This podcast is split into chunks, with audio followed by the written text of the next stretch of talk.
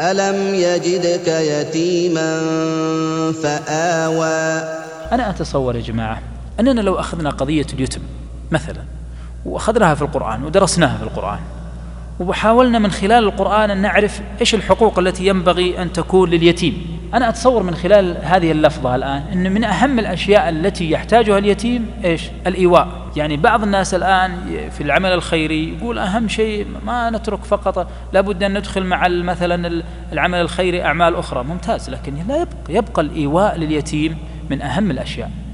لماذا؟ لأنه إذا لم يجد له مأوى ينصرف إليه ويجلس فيه ويغتني به عن الناس كان ذلك سببا في ضياعه أو في مهانته. وهذا قد يتسبب في كثير من الانحرافات. ولذلك نجد في الشريعة صور من الإيواء لا نجدها في أي دين آخر. من ضمنها مثلا أنا وكافل اليتيم. طب لما تكفل اليتيم إيش اللي يحصل فيه؟ أنت في الحقيقة حققت له المأوى.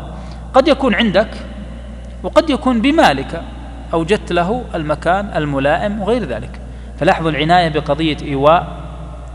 بعدما يحصل الإيواء أي إنسان عنده بيت الآن في داخل هذا يسمى مأوى. لكن هل هذا البيت أو المأوى لا يحتاج إلى توجيه؟ لا يحتاج إلى رعاية؟ لا يحتاج إلى محافظة؟ لا هو يحتاج إلى كل هذا ولا ما يصير مأوى ولا يؤدي الوظيفة التي يؤديها المأوى إلا بهذه الأشياء التي ذكرناها. فتأتي تلك الأشياء التعليم والتربية وغير ذلك بعدما نجد لهذا اليتيم هذا المأوى. لذلك المفترض في المجتمع الإسلامي ما يبقى ولا يتم في الشارع يمشي ولا ما هو لاقي له أحد. هذا والله من أعجب ما يكون. أحيانا بعض المؤسسات تقول أنا عندي مثلا كذا يتيم كذا ألف يتيم ولا كذا مئة يتيم. معقولة ما في واحد في المسلمين ما يوجد أحد يكفلهم؟ هذا خلل كبير.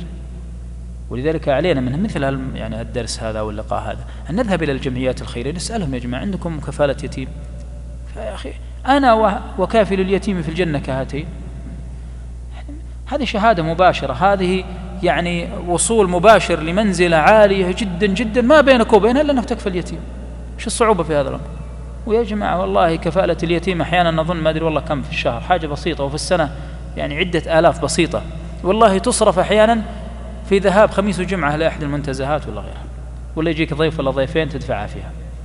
بينما تجد بعض الناس ما عنده أي كفالة لا هو ولا زوجته ولا أبوه الميت ما يكفل عنه ولا غيره. هذا خطأ.